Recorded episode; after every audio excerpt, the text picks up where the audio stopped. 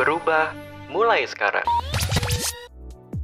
meskipun sedikit ada drama ya itu di teleponnya di Surabaya ternyata terimanya cuma untuk domisili Jakarta.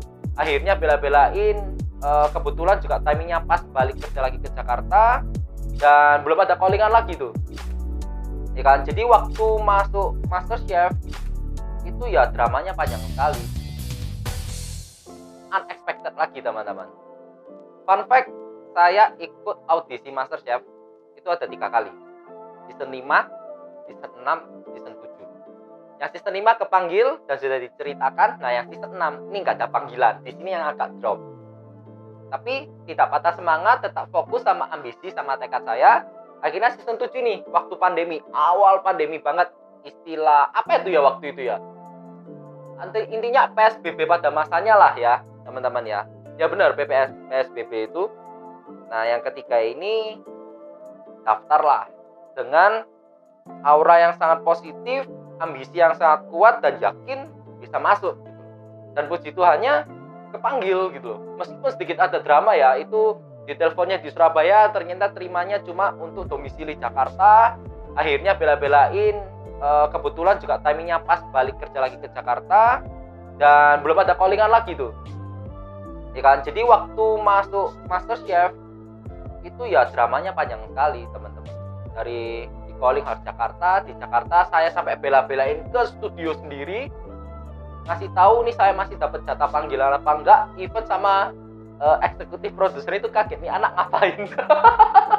Cuman dari situ akhirnya dicoba dites audisi dan akhirnya masuk. Dan itu kayak wah! Kayak wah! Masuk gitu. Termasuk Stephen ketiga jadi waktu sudah tahu ya uh, saya masuk ke Masterchef ya lolos ya itu sebenarnya ada dilema. Jadi di pekerjaan itu ada kenaikan gaji juga yang menurut Audrey itu sudah mencukupi untuk masa depan Audrey untuk pada saat itu. Tapi di satu sisi juga eh, pengen ikut ini adalah kesempatan kali seumur hidup. Dan belum tentu tahun depan bisa dipanggil lagi. Seperti itu. Akhirnya konsultasi ke mama konsultasi ke kakak saya nomor satu tanya pendapat mereka dan akhirnya ikuti akan mengikuti kata hati sendiri untuk ikut Masterchef ini. Dan kalau masalah membuktikan atau enggak pada saat itu kalau nggak salah saya kasih tahu mama jangan kasih tahu papa dulu. Jadi kan biarin aja gitu. Biarin aja dulu. Seperti itu. Nanti semisal sudah top 5 atau apa mungkin itu adalah sesuatu yang bisa dibanggakan.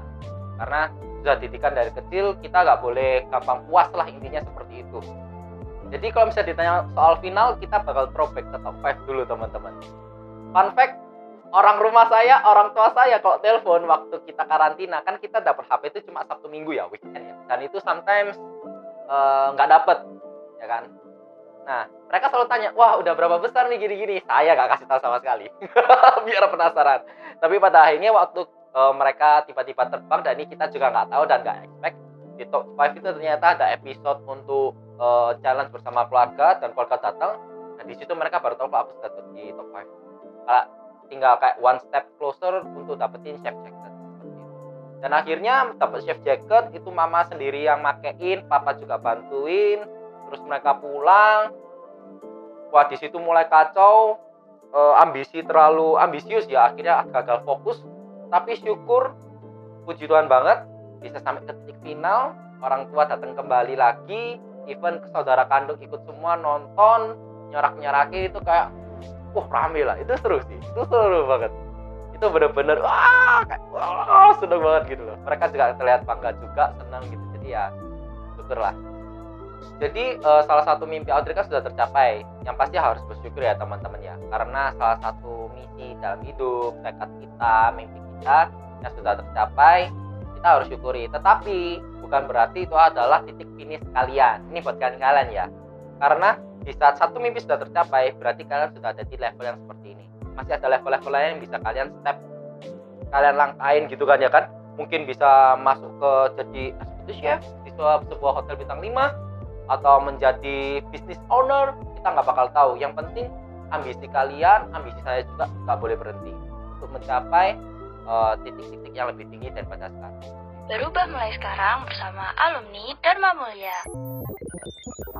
Collab Collaborative Laboratory. Powered by Dharma Mulia Christian School Surabaya.